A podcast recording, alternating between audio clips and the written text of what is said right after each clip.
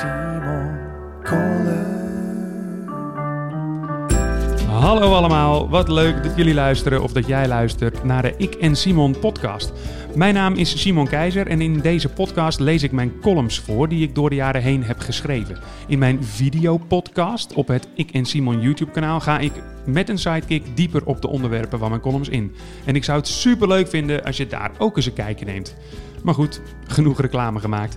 Tijd voor de column. Durven.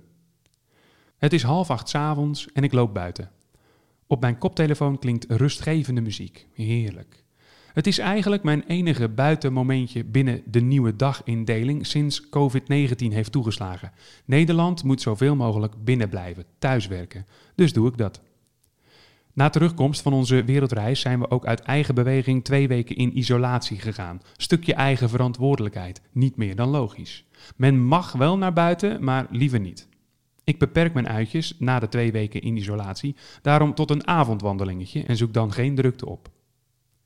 Verderop loopt een stel me tegemoet. Vanwege het smalle wandelpad en de anderhalve meter regel horen we bij het kruisen alle drie een stukje berm te pakken. Het stel doet dat echter niet, blijft zelfs naast elkaar lopen, zodat ik een flink stuk uitwijk. Provocerend wijk ik overdreven ver uit en dat komt me op spottende blikken te staan. Ik zou ze er natuurlijk gewoon op moeten aanspreken, bedenk ik me terwijl ik verder loop. Waarom deed ik dat niet? Inmiddels weet ik, door meerdere sessies bij een psycholoog, dat ik extreem sociaal wenselijk gedrag vertoon. Alles doen zoals het hoort. Vaker dan goed voor me is, denk ik aan voor of over anderen. Wat zouden anderen er wel niet van vinden? Schuilt dat hierachter? Wat zouden ze wel niet over mij zeggen als ik ze erop aanspreek? Is dat waarom ik niets durf te zeggen? Ik weet het niet. Interessant is het in ieder geval wel. Ik schrik op uit mijn gedachten als een hardloper mij van achteren opeens voorbij rent. Hij raakt me. Weliswaar lichtelijk, misschien was het zelfs alleen zijn luchtstroom, maar dit kan niet. Weer durf ik er niets van te zeggen, iets na te roepen. Maar nu begin ik me toch wel een beetje op te winden. Hoe moeilijk is het nou om je gewoon aan de regels te houden? Regels, daar hoor je je aan te houden als maatschappij.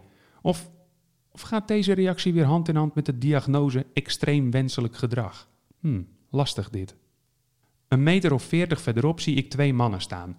Eentje heeft zijn fiets aan de hand. Zo te zien zijn ze elkaar toevallig tegengekomen. Even een praatje maken, niets mis mee. Maar ze staan volledig in elkaars aura, binnen de afgesproken anderhalve meter. Regels, mensen, regels. Als ik dichterbij kom, zie ik dat ze qua leeftijd ook nog eens vol in de risicogroep vallen. Dik voorbij de 70. Ja, nou wordt die mooi. Nederland houdt zich massaal aan de regels om zorg te verlichten en om de zwakkeren en ouderen te beschermen. Staan hier twee oudjes, zowat hand in hand, een beetje herinneringen op te halen. Buiten. Ik denk aan mijn moeder, die zowel qua leeftijd als ziektebeeld in deze periode extra risico's loopt en al weken niet buiten komt. Mijn zwager en ik doen haar boodschappen. Ze heeft Kiki zelfs al die tijd nog niet gezien. Dat alles wakkert mijn boosheid richting die twee oudjes alleen maar aan, bij elke stap die ik zet. Na elke stap word ik zekerder van mijn zaak. Nu ga ik ze erop aanspreken. Ik ga ze aanspreken op hun gedrag. Durf ik het dit keer wel? Nog een stap. Zeker, reken maar. Over vijf stappen ga ik iets zeggen. Vier, drie, twee. hey, Simon, ik zag van de week jullie concert uit de Ziggo Dome op NPO 1, zegt de man met de fiets aan de hand. Tjonge, jongen, wat ben ik dan toch trots. Eh, oké, stamel ik. Uh, nou, dankjewel. Ik loop door en zeg verder niets. Ik durfde niet meer.